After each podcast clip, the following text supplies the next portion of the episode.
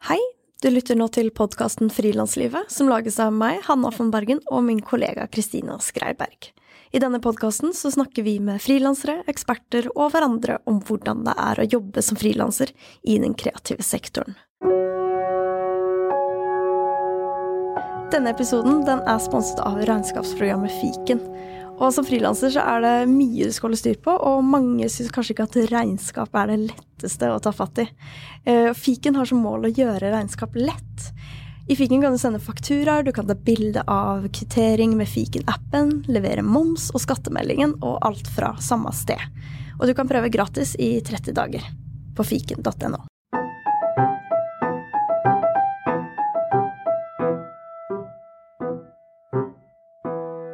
I dag skal jeg snakke med Sigrun Aasland, som er fagsjef i Tankesmien Agenda om frilansernes fremtid.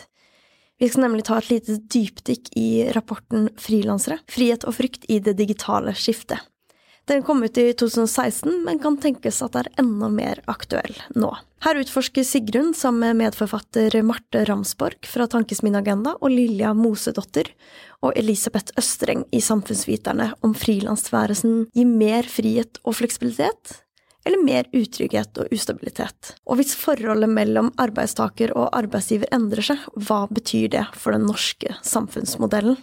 Og Sigrun hun kommer fra stillingen som daglig leder for Damvad Norge. Hun har bakgrunn fra Norfund, Pøyry Management Consulting og i Verdensbanken. Hun har også erfaring som politisk rådgiver for SVs stortingsgruppe og som leder for Norsk studentunion. Og hun har også en mastergrad i økonomi. Jeg syns jo dette er et spennende tema fordi dere har sett på hvordan arbeidsmarkedet er i endring. Og hvordan en økt andel frilansere kan by på fordeler, men også ha noen truende farer ved seg.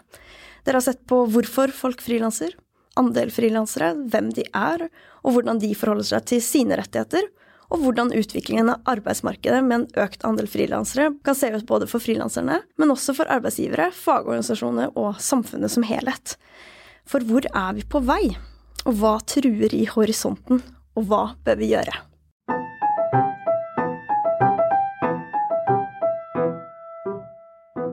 Hei, Sigrun. Hei. Veldig hyggelig at du har mulighet til å stille et intervju. Hyggelig å være her. Eh, så jeg tenkte vi kunne begynne med hva, hva var bakgrunnen for at dere skrev denne rapporten? Vi laget denne rapporten. Eh, vi gjorde det, med å nevne, sammen med Samfunnsviterne, som du nevnte, som er en del av Akademikerne.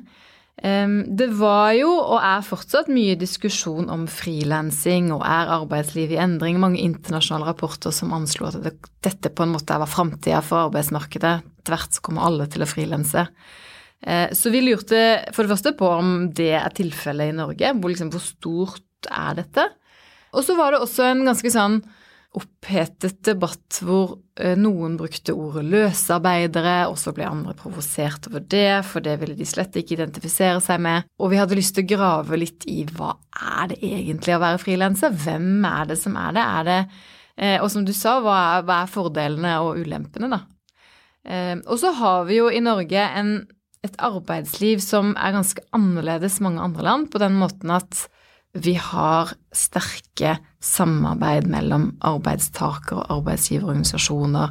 Vi har en kollektiv lønnsdannelse som har gjort at lønnsforskjellene er ganske små, som har gjort at vi har mange rettigheter i arbeidslivet som andre ikke har.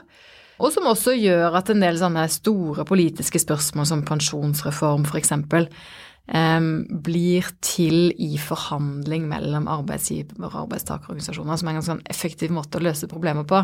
Og det er klart at det trenger jo ikke være sånn at de organisasjonene ikke er der hvis mange er flere frilanser, men, men, det er jo i hvert fall en sammenheng, en negativ sammenheng mellom organisasjonsgrad og frilansing.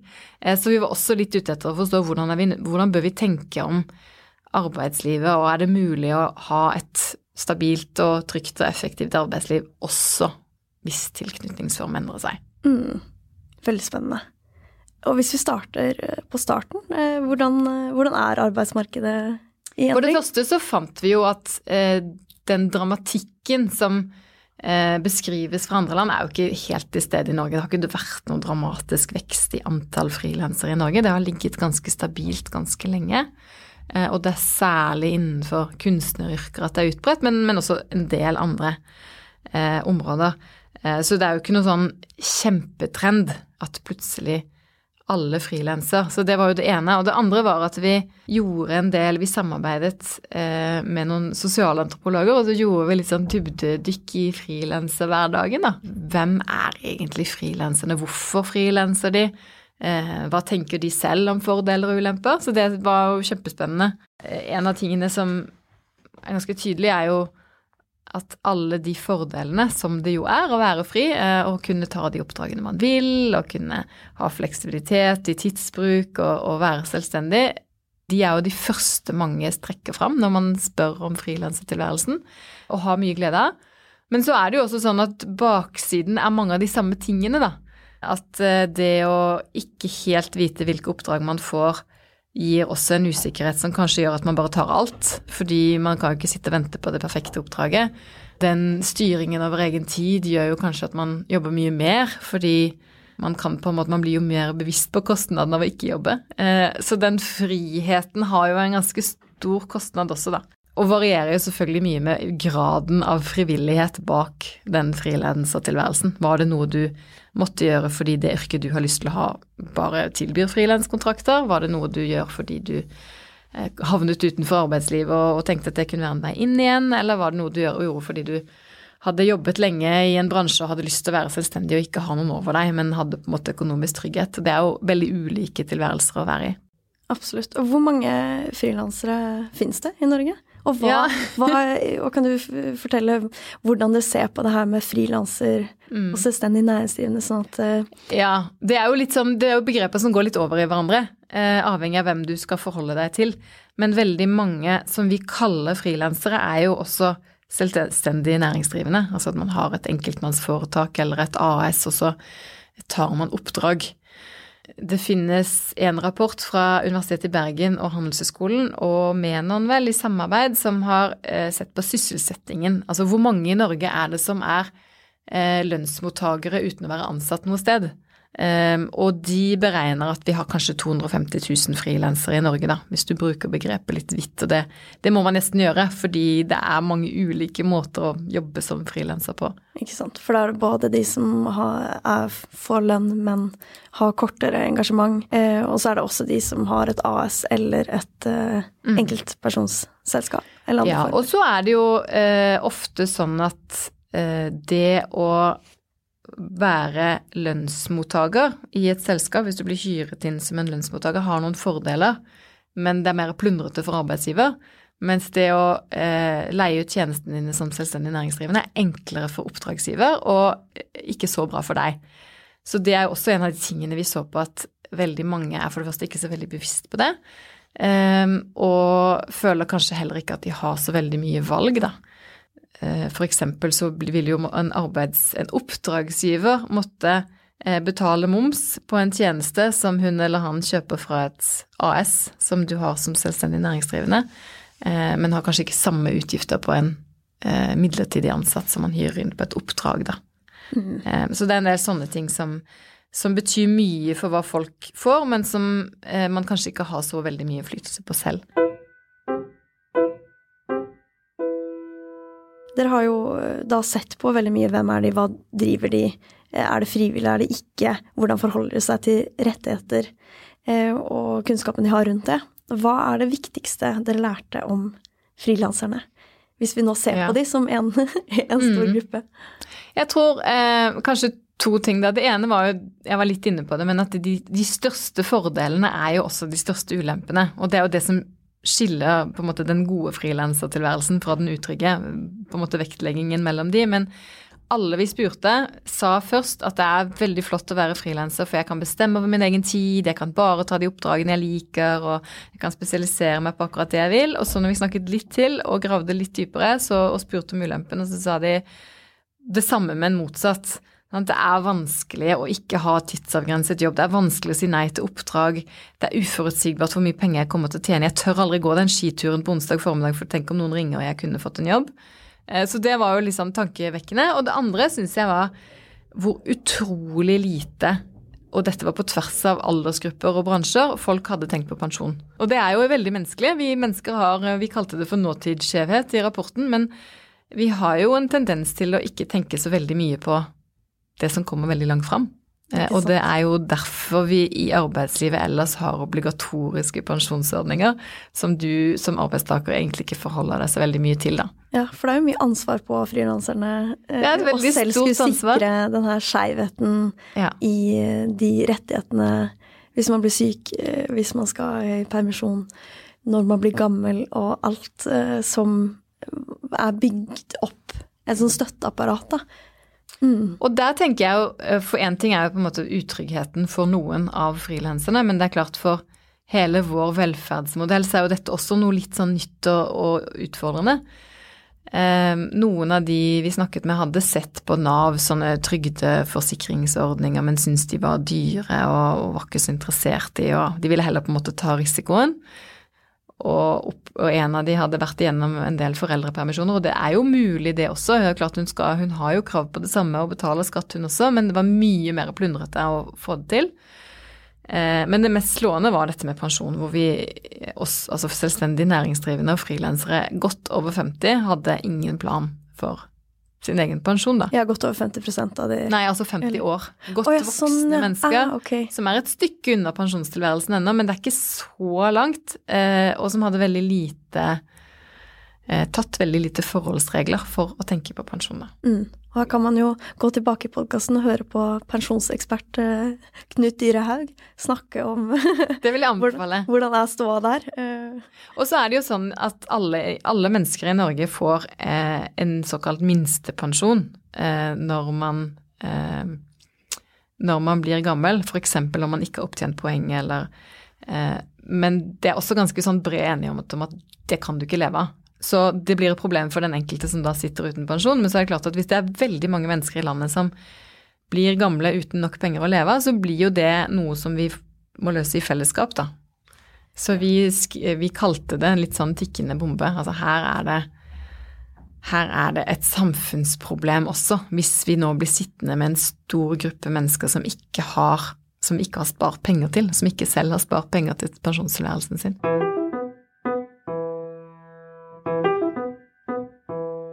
I rapporten så skriver dere om et arbeidsmarked i endring, og om hvordan den norske trepartsmodellen er eh, truet.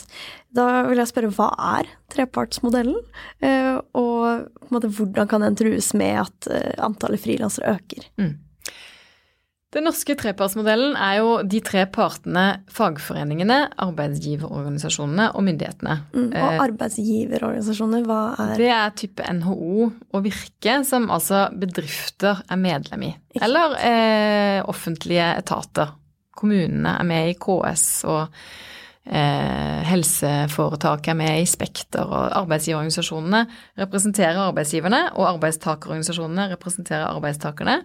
Eh, De møtes til lønnsforhandlinger. Det er jo på en måte grunnstammen i det samarbeidet, eh, med en tanke om at når arbeidstakere sammen forhandler, så eh, får de bedre gjennomslag, for da de, står de sterkere. Det er jo på en måte noe av historikken bak. Men så har vi også i Norge et, vi har et veldig sterkt medlemskap i fagorganisasjoner og arbeidstakerorganisasjoner, så det er mange, har historisk vært mange, og er fortsatt ganske mange, som er med der. Eh, Det betyr jo at det man da blir enige om, det gjelder veldig mange. Eh, Og eh, det gjør f.eks. at lønnsforskjellene i Norge er ganske små. Det har en del sånne økonomiske konsekvenser, som, at, som gjør at mange økonomer sier at trepartsmodellen, trepartssamarbeidet, er et av våre beste konkurransefortrinn. Fordi vi sammen med fagbevegelsen så passer arbeidsgiver- og arbeidstakerorganisasjonen da på at lønnsveksten ikke blir så høy at det går utover eksportevnen vår. Sant? At vi, vi ikke gjør sånn at lønnsveksten skaper inflasjon, og kronen blir for dyr, og dermed vil ingen kjøpe norske varer i utlandet. Små lønnsforskjeller gjør også at eh, det er attraktivt for arbeidsgiver å ansette høyt utdannet arbeidskraft, eh, for den er ikke så mye dyrere enn den lavt utdannede. Og det gjør at vi har et høyt utdannet arbeidsliv, og så gjør det også at vi har et veldig digitalisert arbeidsliv. Eh, Både fordi de ansatte er ganske høyt utdannet. Det er ikke så mye dyrere å ansette en høyt utdannet enn en, kort, en med kort utdanning. Men også det at lønns, lønnsnivået er såpass høyt at det er interessant å putte inn digital teknologi der hvor man kan. ikke sant? Hvis du sammenligner veldig mange andre land med Norge, så har man andre steder folk som står i heisen og trykker på knappen, folk som legger mat i poser, folk som sitter utenfor toalettene og tar imot penger. Vi har noe av det i Norge òg, men mye, mye mindre, og det handler jo om at veldig ofte så er maskiner billigere enn folk. Eh, det kan høres skummelt ut, men det, det, gjør jo også at vi har en veldig effektiv og digital økonomi. Og så, som jeg var inne på eh, litt tidligere, så er jo også trepartssamarbeid en arena for å bli enige om ganske sånne vanskelige forlik, f.eks. For pensjonsreform som vi hadde for noen år siden. Man kan sette seg ned og si dette er ikke bærekraftig, vi må sammen finne ut hvordan vi kan spare penger, det blir dårligere for noen og bedre for andre, og, det at da representative organisasjoner kan komme til enighet om noe sånt, det gjør de beslutningene, det gir jo de en ganske høy legitimitet den legitimiteten er jo avhengig av at mange nok er medlem. I rapporten så sier dere at 6 eh, av selvstendig næringsdrivende er organisert, altså har en fagorganisasjon som de er medlem av, mot nærmere 60 av arbeidstakere. Og det er jo en veldig stor forskjell. Hva er på en måte konsekvensene av at det er så få, og hvorfor er det så få? Det første først, da. Jeg tror eh, konsekvensene av at færre organiserer seg, blir jo for det første eh, at den enkelte kanskje får litt dårligere vilkår i arbeidslivet. Fordi det å være med i en eh, fagorganisasjon gir jo tilgang på kunnskap om rettigheter, hjelp til å forhandle, hjelp til å løse konfliktene de oppstår. Og så tror jeg mange tenker at ja, men jeg har jo ikke noen problemer, og jeg møter jo bare hyggelige folk, og denne bransjen har behandlet meg godt, så jeg trenger ikke organisere meg. Jeg tror en annen konsekvens er jo mer på samfunnsnivå. At hvis stadig færre mennesker er organisert, hvis det f.eks. da blir flere frilansere, og flere av de som er unge nå, kommer jo til å bli de som er i arbeidsmarkedet om noen år, eh, så vil det bli vanskeligere å f.eks. videreføre den typen lønnsdannelse som vi har i Norge, med små lønnsforskjeller, Eh, med nøkterne lønnsoppgjør i år hvor det er viktig. Eh, fagbevegelsen i Norge er jo veldig ansvarlig. Hvis du ser på fagbevegelsen i Frankrike f.eks., så er det jo stadig streiker og protester og eh, man har et helt annet inntrykk av fagbevegelse i veldig mange andre land, mens i Norge så er det på en måte en ganske sånn eh, ansvarlig og, og, og, balansert prosess hvor arbeidstaker og arbeidsgiver forhandler og har på en måte staten også med. Så konsekvensene tror jeg både på individnivå og på samfunnsnivå uheldige. Grunnen til at få frilansere er organisert, kan jo handle om at mange frilansere er unge, og generelt er unge mennesker mindre organisert. Mange som ikke har noe særlig interesse for eller kunnskap om hva, denne, hva er denne trepartsmodellen, hva er vitsen med fagbevegelse. Vi gjorde en undersøkelse i fjor der vi spurte folk hva de assosierte med ordet fagbevegelse, og og mange tenker litt gammeldags, mange tenker konflikt som et ord som de på en måte eh, knytter til eh, fagorganisasjonene. Ikke nødvendigvis som noe negativt, men som noe man trenger når det er konflikt, kanskje. Eh, og hvis man da tenker at det, det, her, det, går bra for meg, jeg har ikke så mye problemer, jeg har hyggelige folk rundt meg, og oppdragsgiverne oppfører seg bra, så, så, ser man kanskje ikke helt det behovet heller, da. Mm. Eh, og så tror jeg det handler mye om fagbevegelsen selv, at det at eh, Det er jo en litt sånn ny kategori. Er du arbeidsgiver eller arbeidstaker hvis du er selvstendig næringsdrivende? Hvem er det som skal organisere deg? Ja, Og hvordan blir det når du er eh, blanding, da? Ja. Kanskje i to forskjellige eh, yrker, eller to, Det kan jo være to ulike bransjer også, for det er én ting rapporten eh, viser til, er at mange føler at de kommer litt imellom og ikke helt, helt, vet nødvendigvis hvilken fagorganisasjon. For noen er det veldig tydelig, mens for mange så er det litt uh, utydelig mm. hvem man skal være medlem av. Det tror jeg også er en, det er en utfordring generelt at fagorganisasjonene er jo ganske sånn eh, sektoravgrenset. Eh, nå er det jo mye vanligere å bytte jobb mange ganger, også om du er fast ansatt. Så det kan jo gjøre at folk føler mindre tilhørighet til én yrkesgruppe. Mm. Det så vi også i vårt prosjekt når vi eh, De frilanserne vi møtte, veldig mange var jo også flere ting. Og det var derfor de var frilansere. Fordi eh, de var interessert i å jobbe både med musikk og med grafikk, eller en som var interessert i både å være kokk og å være revisor. Altså, det fins ingen jobber som kombinerer de to tingene. Eh, og da er det også vanskelig å finne tilhørighet i et avgrenset forbund, kanskje. Og så handler det jo også om at eh, for fagbevegelsen så er dette med å være frilanser litt nytt. Eh, og noen, journalistlaget var tidlig ute med å lage egne målrettede opplegg for frilansere, og så har mange kommet etter. Eh, men det er jo ikke noe man har forholdt seg til veldig lenge, annet enn i kunstnerorganisasjoner og, og, og sånne som MFO, som har på en måte hatt frilansere lenge, da. Mm. Dagens episode er sponset av employ.no. Frilanslivet, er deilig fritt. Det er dessverre ikke like deilig trygt. Employ består av frilansere som har organisert seg sammen i én bedrift. Nå er flere enn 120 frilansere ansatt i Employ, og de får dermed større trygghet og alle ansattgoder som vanlige folk får. Og noen til. Men de er like frie som før. Interessant? Sjekk ut employ.no.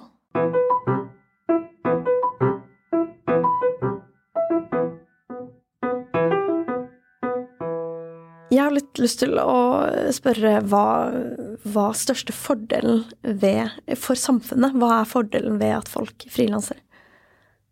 Ja, det er jo å snu på spørsmålet. Det kan nok hende at for noen så er frilansertilværelsen en vei inn i arbeidsmarkedet.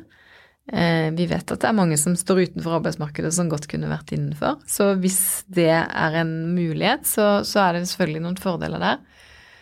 Jeg tror mest at for de som har det bra som frilansere, så er det en veldig stor fordel for de selv. Altså det å ha den friheten og fleksibiliteten, det har en stor verdi. Hvis man er i en forhandlingsposisjon, har en økonomisk trygghet eh, og har lite behov for forutsigbarhet, f.eks., for eksempel, da. Så jeg tror det er viktig i den debatten at man på en måte ikke forskanser seg på den ene eller den andre siden og, og er for eller mot frilansing. Eh, det er klart at det kan være bra for mange. Og det å på en måte For de som har eh, Som kan få ut på en måte gevinsten av det, så kan det være mange fordeler. Eh, når det skaper så mye uro, så tror jeg det mer handler om at man ikke helt tror, og jeg tror nok heller ikke, at alle som er frilansere aller helst ville vært det. I noen bransjer må man være det, eller det finnes veldig få jobber hvor man faktisk kan være ansatt. Og så har vi i økende grad, og det syns jeg kanskje er det mest urovekkende, sett det som Elin Ørjasæter og Line Eldring i sin bok kaller for maskerte arbeidstakere. Altså at arbeidsgiver ber deg være frilanser istedenfor arbeidstaker, rett og slett for å slippe unna en del rettigheter som man ellers må betale for, da. Så det er litt sånn Det kan skli litt ut, og det tror jeg skaper mye uro. Men det er klart at det har fordeler for den enkelte, i hvert fall for den enkelte frilanser som da kan kombinere flere yrker eller flere typer virksomheter, som kan ha en fleksibilitet som er nødvendig akkurat i en livsperiode eller i en situasjon man er i der og da. Så jeg, jeg ser nok for meg at de største, for, de største fordelene er individuelle, da. Mm. Fordi eh, kunstneryrkene har på en måte lengst erfaring, og er de fleste frilanserne.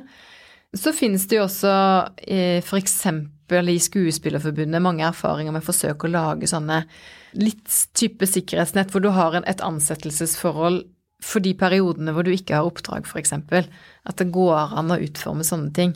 Mm. Eh, men det jeg veldig gjerne skulle visst mer om i kanskje særlig kunstneryrkene, er jo på en måte hvem hvor stor grad av denne frilansingen handler om at det rett og slett ikke finnes noen faste jobber, eh, og hvor stor grad av den handler om at man ønsker den friheten som frilanstilværelsen gir. Og det er jo ikke noe man nødvendigvis har noe helt klart svar på selv heller, fordi det er en sammensatt eh, beslutning, og veldig mange av de yrkene hvor frilansing er utbredt, er jo eh, kjempeviktige for samfunnet vårt at vi har, eh, og vi har ikke noe heller gode svar på hvordan vi skulle gjort det med fullt fast ansettelse.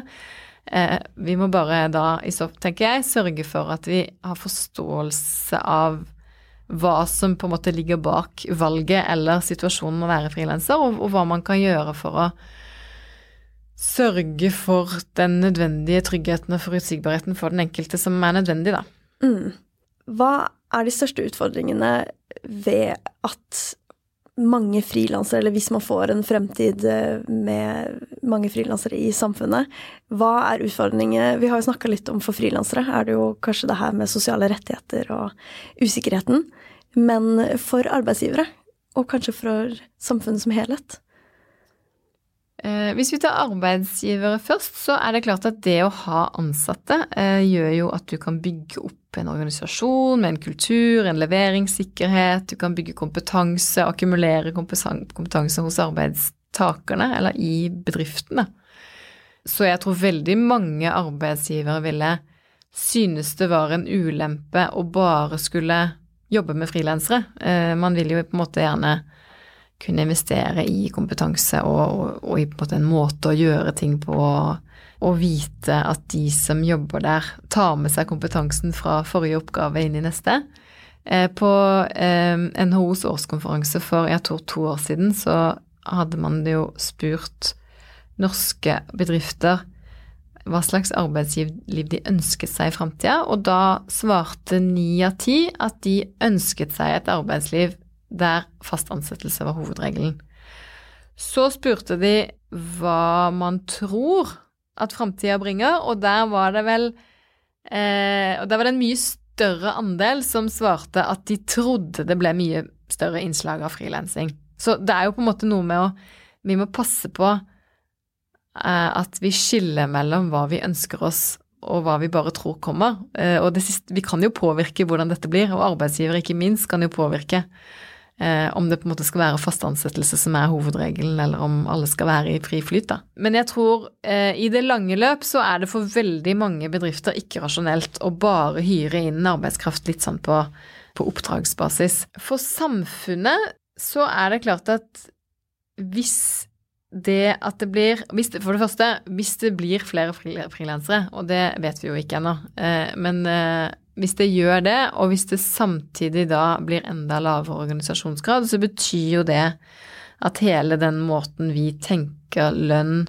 og lønnsforhandlinger og reformer og lønnsfordeling blir litt utfordret. Det samme gjelder jo hvordan vi tenker om pensjon, f.eks. Det er veldig mange viktige både rettigheter og beslutningsprosesser som, som er knyttet til forutsetningen om at mange er med i en fagorganisasjon. Um, og vi har jo også um, Arbeidsgiveravgiften um, er en viktig skatteinngang for staten. Så det er klart at hvis det blir mange færre ansatte og mye lavere arbeidsgiveravgift, så må man jo hente inn skatt på en annen måte og finne uh, løsninger på det. Men uh, Eh, men jeg tror kanskje aller mest på en måte hele fellesskapsmodellen, hvor vi, veldig mye av det vi har av rettigheter, er knyttet til det å være ansatt et sted. Ja, det er veldig, det er veldig spennende, og det er interessant eh, som frilanser også å liksom sette seg litt inn i det perspektivet fra arbeidsgiver, og på en måte fordi man ofte tenker på ting ut fra sitt eget perspektiv. Mm. Og det å se det fra ulike vinkler tror jeg er veldig nyttig. Ja, altså fordi um, mange av de rettighetene som vi har, og mange, mye av pensjon og trygder, er jo også uh, ting som arbeidsgiver betaler, og som arbeidstaker aldri ser, da. Så hvis du som arbeidsgiver ansetter en person, så må du regne den kostnaden som lønnen den personen skal ha, pluss en tredel av den lønnen som du betaler inn i arbeidsgiveravgift og trygdeavgift, blant annet. Um, det betyr jo at hvis du ikke er ansatt et sted, så må du jo på en måte besørge de utgiftene selv, da. Og det viser seg jo, og det så vi også med de frilanserne vi snakket med, at selv om man kan det, forhandle inn og si jeg sparer til min egen pensjon og jeg må ha min egen eh, syk sykeforsikring og sånn, så jeg må ha litt høyere eh, lønn enn jeg ellers ville hatt, så er det vanskelig å få gjennomslag for. Både fordi det ikke er noe sånn veldig klart sammenligningsgrunnlag, og fordi man ofte er i en litt svak forhandlingsposisjon, da. Eh, og så tror jeg mange ikke tenker så veldig bevisst gjennom det, kanskje. At de har noen ekstrautgifter som frilanser, som arbeidsgiver ellers ville dekket.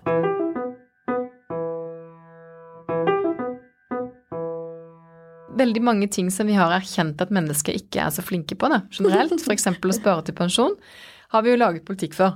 Fordi det er helt vanlig og menneskelig å ikke tenke så mye på pensjon når man er 30 år. Eh, men det ansvaret har jo frilanserne selv.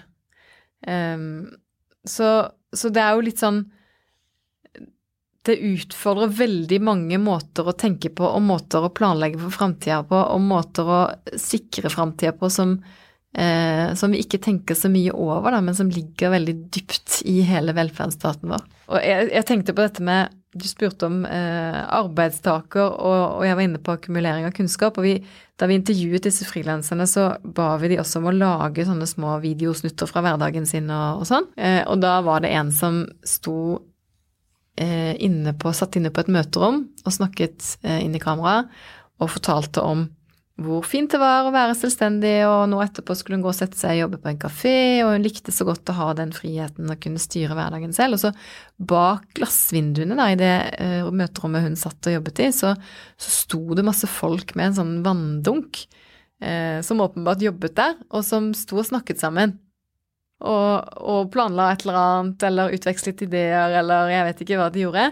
Uh, og så så hun liksom litt bak på de, og så sa hun det som er litt vanskelig med frilanstilværelsen, er jo at jeg ikke kan ta betalt for kunnskapsutveksling, eh, nettverkstid, eh, det å være sosial.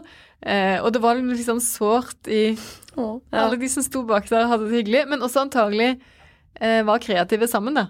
Eh, og det er jo også noe du ikke nødvendigvis kan ta betalt for. Eh, Nei, ikke sant. Det er jo veldig mye tid og møter og ja, hva skal man si det å få en jobb, alt arbeidet som handler om før du har fått den jobben. Ja. ja og det kollegiale. Som eh, ligger også. utenfor oppdraget, men innenfor arbeidstiden. Ikke sant. Jeg syns det er veldig spennende å skulle se litt eh, framover, og på en måte forstå eh, For det snakker litt om det her i rapporten. Hvordan skal vi utvikle et godt arbeidsmarked fremover? Hva kan man som frilanser gjøre, og hva kan politikere gjøre? Og hva kan arbeidsgivere og hva kan fagorganisasjoner gjøre? Så vi kan jo på en måte dele det opp litt. Og hvis vi begynner med frilanserne selv mm. Hva skal man si, hvilken uh, makt har jeg som frilanser til å kunne påvirke det her? Jeg vil si det viktigste en frilanser kan gjøre, er å finne en eller annen fagorganisasjon som man kan være medlem i. Eh, og så kan det hende at den organisasjonen ikke har så mye erfaring med frilansere, men da må den jo utfordres. Jeg tror innenfor eh, kunstnerorganisasjonene er det jo mange som jobber nettopp med målrettet med frilansertilværelsen og hvordan man kan gjøre den bedre. Eh, så det er et viktig bidrag til seg selv, men, men jeg tenker også et viktig bidrag til fellesskapet, frilansere og fellesskapet, hele det norske samfunnet. Da, at flest mulig eh, er med på det organiserte arbeidslivet. Og så eh, bør man tenke på pensjon. Uansett selv om man er ung, fordi det tar lang tid å spare nok til å um, ha den pensjonen man trenger når man blir gammel, og skal leve mye lenger enn det noen, gang, noen noen gang før oss har gjort. Mm. Det er jeg veldig enig i. Jeg tenker også at um, du i tillegg Man eh, har jo mye kunnskap som man kan få fra sin fagorganisasjon om mye av det her, men det å rett og slett uh, prøve å øke kunnskapsnivået hos frilansere rundt sosiale rettigheter og på en måte det å forstå da hvordan man kan forhandle, og hva man trenger å forhandle eh, i forhold til lønninger, er jo på en måte første steg. Og så er det jo ikke alltid så lett å få den lønnen man mener at man burde kunne ha, men det hjelper i hvert fall å kunne vite hva, hva burde det være. Og så kommer det jo litt til eh, Da kan vi ta fagorganisasjonene. Hva, eh, hva sier rapporten, og hva mener du at de kan bli bedre på? Altså, Vi har jo pekt på uh, at de faktisk burde lære, kan godt lære litt av en del av kunstnerorganisasjonene, som på en måte har gått litt foran og hatt frilansmedlemmer lenger enn det mange av de andre har. Uh, men de uh, må målrette seg i større grad mot frilanserne. Gjerne opprette egne type tilbud eller egne type tjenester mot de som er frilansere, som kanskje trenger noe litt annet enn andre. Og, det, og, jeg ser at det er veldig mange fagforeninger som gjør det nå. Det er jo ikke helt enkelt heller, fordi det er ikke nødvendigvis eh, veldig bransjespesifikt. Kanskje er man frilanser på flere typer bransjer samtidig, og hvor skal man være medlem da? Så dette handler jo også om liksom den større inndelingen eller strukturen i hele fagbevegelsen, da, som, eh, som er en utfordring fordi vi ser at arbeidsmarkedet Stadig flere jobber i yrker som tradisjonelt ikke er organisert, og stadig færre jobber i yrker som tradisjonelt er organisert. Og det betyr jo at det, eh, fagbevegelsen hele tiden må eh, oppdatere seg og, og, følge med på hvor er det folk egentlig jobber, og hva de egentlig trenger, og frilanserne er en litt sånn ny gruppe, da. Mm. Eh, som de trenger å orientere seg mer mot. Selv om den ikke er kjempestor nå, og selv om det ikke er noe som tyder på at det kommer til å eksplodere, så er det eh, mange nok til at det er noe man bør være opptatt av. Enten via erkjennelsen av at her kommer det til å være mange frilansere, vi må sørge for at de får best mulig vilkår, eller som nå, som f.eks. Fagforbundet har engasjert seg i denne saken der Aleris har ansatt omsorgsarbeidere som enkeltmannsforetak istedenfor som ansatte. Mm. Antagelig ikke fordi det var mye bedre for arbeidstakerne å være frilansere, eh, men fordi det ble mye billigere. Men det er jo en rettssak som som pågår nå, og der eh, et fagforbund har tatt mer stilling i retning av at her var det faktisk ikke relevant å snakke om frilansere. Det var bare en De var baskerte arbeidstakere, egentlig. Mm. Vi har også skrevet litt om hva vi synes myndighetene bør eh, gjøre. Ja. Eh, og en av de tingene vi har pekt på der, er jo at nå er det sånn at pensjonsrettigheter er avgrenset til ansettelsesforhold som er varer mer enn seks måneder. Og det betyr jo at veldig mange som tar oppdrag, er utenfor det. Mange andre også. Om man bytter jobb hyppig, så mister man jo mye pensjonspoeng. Ehm, det burde, skriver vi i hvert fall i rapporten, kanskje heller være sånn at pensjon er fra første dag og første krone. Når du har tjent penger, så har du også opparbeidet deg noen pensjonsrettigheter.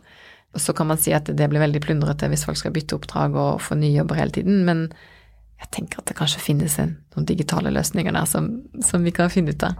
Ja, for det har jo vært eh, Det har vi snakka om noen ganger tidligere også, med veldig mange som jobber i eh, engasjement- eller festivalbransjen, hvor eh, selve organisasjonen ikke kan ansette hele staben hele året fordi man De har bare aktivitet i tre måneder, egentlig. Ja, ikke sant. Og det er da man trenger flest folk, og antall ansatte går opp og ned avhengig av aktiviteten. Og da mm. er det jo, hvis du jobber med de her festivalene igjen og igjen, så blir det jo da eh, er du på engasjement, men så kommer du tilbake og er på et nytt engasjement. Men hver gang mm. må du begynne på nytt med å opparbeide pensjon, da. Og hver gang slutter du før du egentlig har fått noen rettigheter. Ja, mm. så det er jo en liten shout-out til politikere mm. der ute. Um, dere skriver også om en oppdragsgiveravgift. Mm. Vil du fortelle litt om hva det er?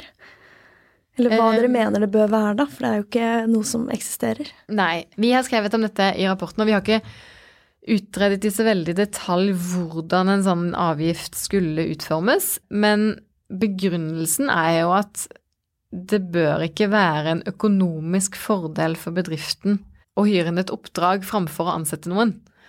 Eh, og det er det jo i, i realiteten, for du betaler en avgift på ansatte, men du gjør ikke det på samme måten på et oppdrag som du bruker, da. Så dette er en, eh, et forslag vi har lansert for å sidestille eh, ansettelse og oppdrag, og for å sørge for at eh, hvis det skal hyres inn oppdrag, så skal det være en, en begrunnelse for det som, som, handler om noe mer enn å spare de pengene, da. Mm. Eh, fordi det går fort på bekostning av den som skal utføre oppdraget. Ikke sant. Og en sånn oppdragsgiveravgift, det høres veldig smart ut, men det, går det til frilanseren, går det til staten? Er det Dekker det pensjon? Hvordan har dere på en måte, Hva består den av? Vi har tenkt at det går inn som en skatt. Nå er det jo det er det mange ulike meninger om. Um, Finansdepartementet er av forståelige grunner ofte skeptisk til sånne avgifter som skal gå inn i spesielle fond, for det blir tungvint å administrere. Og, og det er jo sånn nå at det vi betaler inn av skatt, og f.eks. arbeidsgiveravgift, det går inn i inntektssiden på statsbudsjettet. Og så bruker man det samme statsbudsjettet på å gjennomføre gode tiltak for fellesskapet. Så det var vårt utgangspunkt, at det burde være en avgift, men uten noen sånn form for øremerking for hva den skulle brukes til. Når det gjelder pensjon, og Eh, en del andre av de her sosiale rettighetene, så har man mye tall på at det er veldig få frilansere som har sykeforsikring. Det er veldig få frilansere som sparer til egen pensjon. Eh, og da er det et veldig tydelig behov, for som du sier, så kommer jo det her til å utspille seg når folk blir gamle, når du blir syke, og det eh, kommer til å oppstå konflikt, da. Eh, hva kan politikere gjøre for å minske det her gapet mellom de faste ansatte og, de og frilanserne når det gjelder de her rettighetene? Vi har foreslått to ting. Eh, det ene er at eh, i dag så kan man jo eh, spare pensjon som selvstendig næringsdrivende med noen skattefordeler, men de er dårligere enn de, har, de rettighetene man har som fast ansatt. Så prosentsatsen man kan spare, er egentlig lavere. Det går det an å gjøre noe med. Så er jo det andre problemet, som vi også var inne på i rapporten vår, at det er ganske menneskelig å la være å gjøre det likevel. Og derfor har vi jo for arbeidstakere lovfestet tjenestepensjon. Arbeidstaker er nødt til å spare pensjon for sine ansatte, og det er et minimum for hvor mye de skal spare. Mm, som er på 2 av lønna. Eh, ja. Vi har foreslått at man burde vurdere en eller annen form for lovfestet rett til tjenestepensjon også for frilansere, eh, som betyr at eh, alle som eh, er innom og gjør oppdrag også har pensjonsrettigheter. I dag er det jo også sånn at selv om du faktisk er ansatt, hvis du ikke er ansatt i mer enn seks måneder, så, så har du på en måte heller ikke opptjent noen pensjonsrettigheter. Mm. Eller hvis du har um, en 20% stilling. Eller hvis du er mindre enn 20% stilling. Mm.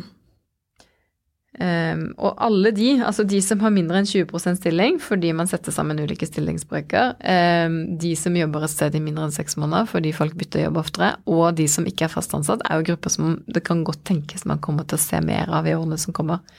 Uh, og som da alle tre sitter igjen uten tjenestepensjon og kun pensjon fra folketrygden. Um, og det Én ting er jo at det blir vanskelig for den enkelte, fordi det er veldig lite penger å leve av. Men det andre er jo at det kan jo også bli et samfunnsproblem. Vi har jo ikke lyst til å ha en slags sånn en, en gruppe av underbetalte eller fattige eldre som, eh, som, ikke har råd til det de har bruk for. Og det, det, er jo et problem som man kommer til å bli nødt til å løse som fellesskap, og som det kanskje vil være mer forutseende å finne løsninger på i pensjonssystemet nå. Mm. Ja, for det er jo ikke nødvendigvis den gruppen som tjener veldig mye bedre enn de som er fast ansatt og får pensjon, sånn at man kan dekke det selv. Eller Nei. det, ja. Nei, altså det er jo eh, Det ene er jo et økonomisk spørsmål. Sånn, tjener du nok til å faktisk sette av pensjon? Eh, og hvis du gjør det, burde du ikke da ha de samme vilkårene for hvor mye du får lov til å spare uten å skatte av det, eh, være de samme? Og så vet vi at det er for noen en reell problemstilling, men det er klart at det å i det hele tatt tjene nok til å sette noe, det krever en forhandlingsposisjon og et lønnsnivå som det er vanskeligere å oppnå som frilanser enn det er som ansatt. Mm. Rett og slett fordi du har ikke tariffavtaler og du har ikke noen kollektiv lønnsforhandling, da. Men så er jo det andre at selv om du har råd til det, så viser det seg at vi er ikke så flinke til å spare til pensjon, noen av oss. Vi trenger hjelp til det. I noen land snakker man om sånn nudging, at vi må liksom dytte folk litt og oppmuntre litt og gi insentiver til å spare, og i Norge har vi jo gått mye lenger ved å rett og slett lovfeste det. Alle skal ha pensjon, og arbeidsgiveransvaret. Og hvis ikke du har noen arbeidsgiver, så har jo ingen ansvaret lenger. Mm. Um, så vi har antydet at det går an å gjøre dette på ulike måter, da. Og sier at en mulig løsning er å pålegge arbeidsgiver å spare pensjon fra første time første dag, uavhengig av arbeidsforholdets lengde og brøk, eller så kan man finne særlige løsninger for den gruppen som da jobber på korte kontrakter, eller eh, og som ikke er ansatt. Eh, men at det, det, må være et mål å finne gode løsninger uten at man undergraver de kollektive løsningene som ellers finnes, da. Jeg tenker at det man skal frykte mest, er jo på en måte det som skjer med de som ligger lengst ned i lønnsfordelingen, og de som har minst forhandlingsmakt og, og minst muligheter til å påvirke egen hverdag. Eh, og i den grad det er frilansing der, så tror jeg det gir et større grunnlag for bekymring enn den frilansingen som på en måte foregår i øvre sjikt av, av norsk lønnsnivå, da. Selv om på alle nivåer er det en bekymring knyttet til om økt frilansing, hvis vi får det, eh, svekker det fellesskapet som den norske trepartsmodellen faktisk er, da. Mm. Hurra. Triste greier. Kan, du kan, ja. prøve å finne noe glad noe hyggelig på slutten. Det, ja, ikke sant. Det er, sånn. det, er, eh, det er, litt dystert bilde. Og så er det jo, eh, hvis du som eh, nå fotograf eller danser sitter og hører på det her, så er det jo hva skal man si, litt som vi snakka om før, at visse bransjer så er jo det måten man gjør det på. Visse ønsker jo det. Det er frivillig, visse gjør ikke det. Eh, men eh, ja. Jeg Er tenker at hvis man ikke, vi, For å ikke være så dyster eh, og eh, dystopisk, da, så er det jo også sånn som vi har vært inne på, at dette er det jo vi som er med på å forme. Frilansing i seg selv eh, er jo ikke problemet. Eh, og det fins mange eksempler på ting man kan gjøre for å ha et godt yrkesliv som frilanser, og for å ha et godt samfunn med frilansere. Eh, og vi har jo vært innom mange av de. Altså det å finne fellesskapsløsninger, sånn som Skuespillerforbundet f.eks. har gjort, sant, for hva man kan gjøre mellom oppdrag. Eh, det å se på samvirkeform, om man kan eie de plattformene man leverer til, istedenfor å være prisgitt store internasjonale eh, teknologigiganter. Er det noe som går an å vurdere? Eh, lage politikk som, og være med på å påvirke og lage politikk som sikrer pensjonsrettigheter og andre sosiale rettigheter, også for de som har korte oppdrag eller ikke har fast ansettelse. Eh, og så er det masse bevegelse i fagorganisasjonene, da, de siste årene bare, på å møte alle disse nye typene yrker, og blant annet frilanserne. Så eh, det er jo ikke sånn at det ikke skjer noe heller. Eh, jeg tenker bare det at vi har disse diskusjonene, og at man er oppmerksom på at det er noen fallgruber som vi må passe på å ikke gå i, eh, er jo veldig positivt i seg selv. Og jeg tror alle, liksom i alle politiske partier er enige om at det norske arbeidslivet har mye bra ved seg som vi ønsker å ta vare på. Så hvis man bare husker på å snakke om det også når vi snakker om frilanserne, eh, og få med det at trygghet gir kreativitet, at forutsigbarhet er også viktig eh, for å kunne tenke nye tanker, så, eh, så er det ikke noen grunn til å være pessimistisk. Men eh, man må bare være med og passe på at eh, folk ikke blir utnyttet, rett og slett. Ja, og det tenker jeg at eh, dere som lytter eh, kan fint spille en rolle i. Og det handler jo både om å snakke med hverandre, snakke, hva, forstå hva man burde ta betalt, og litt det her vi var inne på i stad, hva kan man som frilanser selv gjøre? Og også være med å påvirke din fagorganisasjon. Så mm, jeg vil gjerne gi en liten appell til dere eh, om å engasjere i deres egne rettigheter. Mm, for både for deg selv, men også for på en måte fellesskapet. Hvor kan man lese mer om eh, både det dystre bildet, men også de mulige tiltakene for eh, en lys fremtid? Denne rapporten kan man lese på eh, tankesmienagenda.no. Den heter Frihet og frykt. Tusen takk, Sigrun, for at du kunne stille til intervju. Takk for at jeg fikk komme. Ha det bra. Ha det. Tusen takk til Grafill, Kulturetaten og Fritt Ord for støtte til denne podkasten.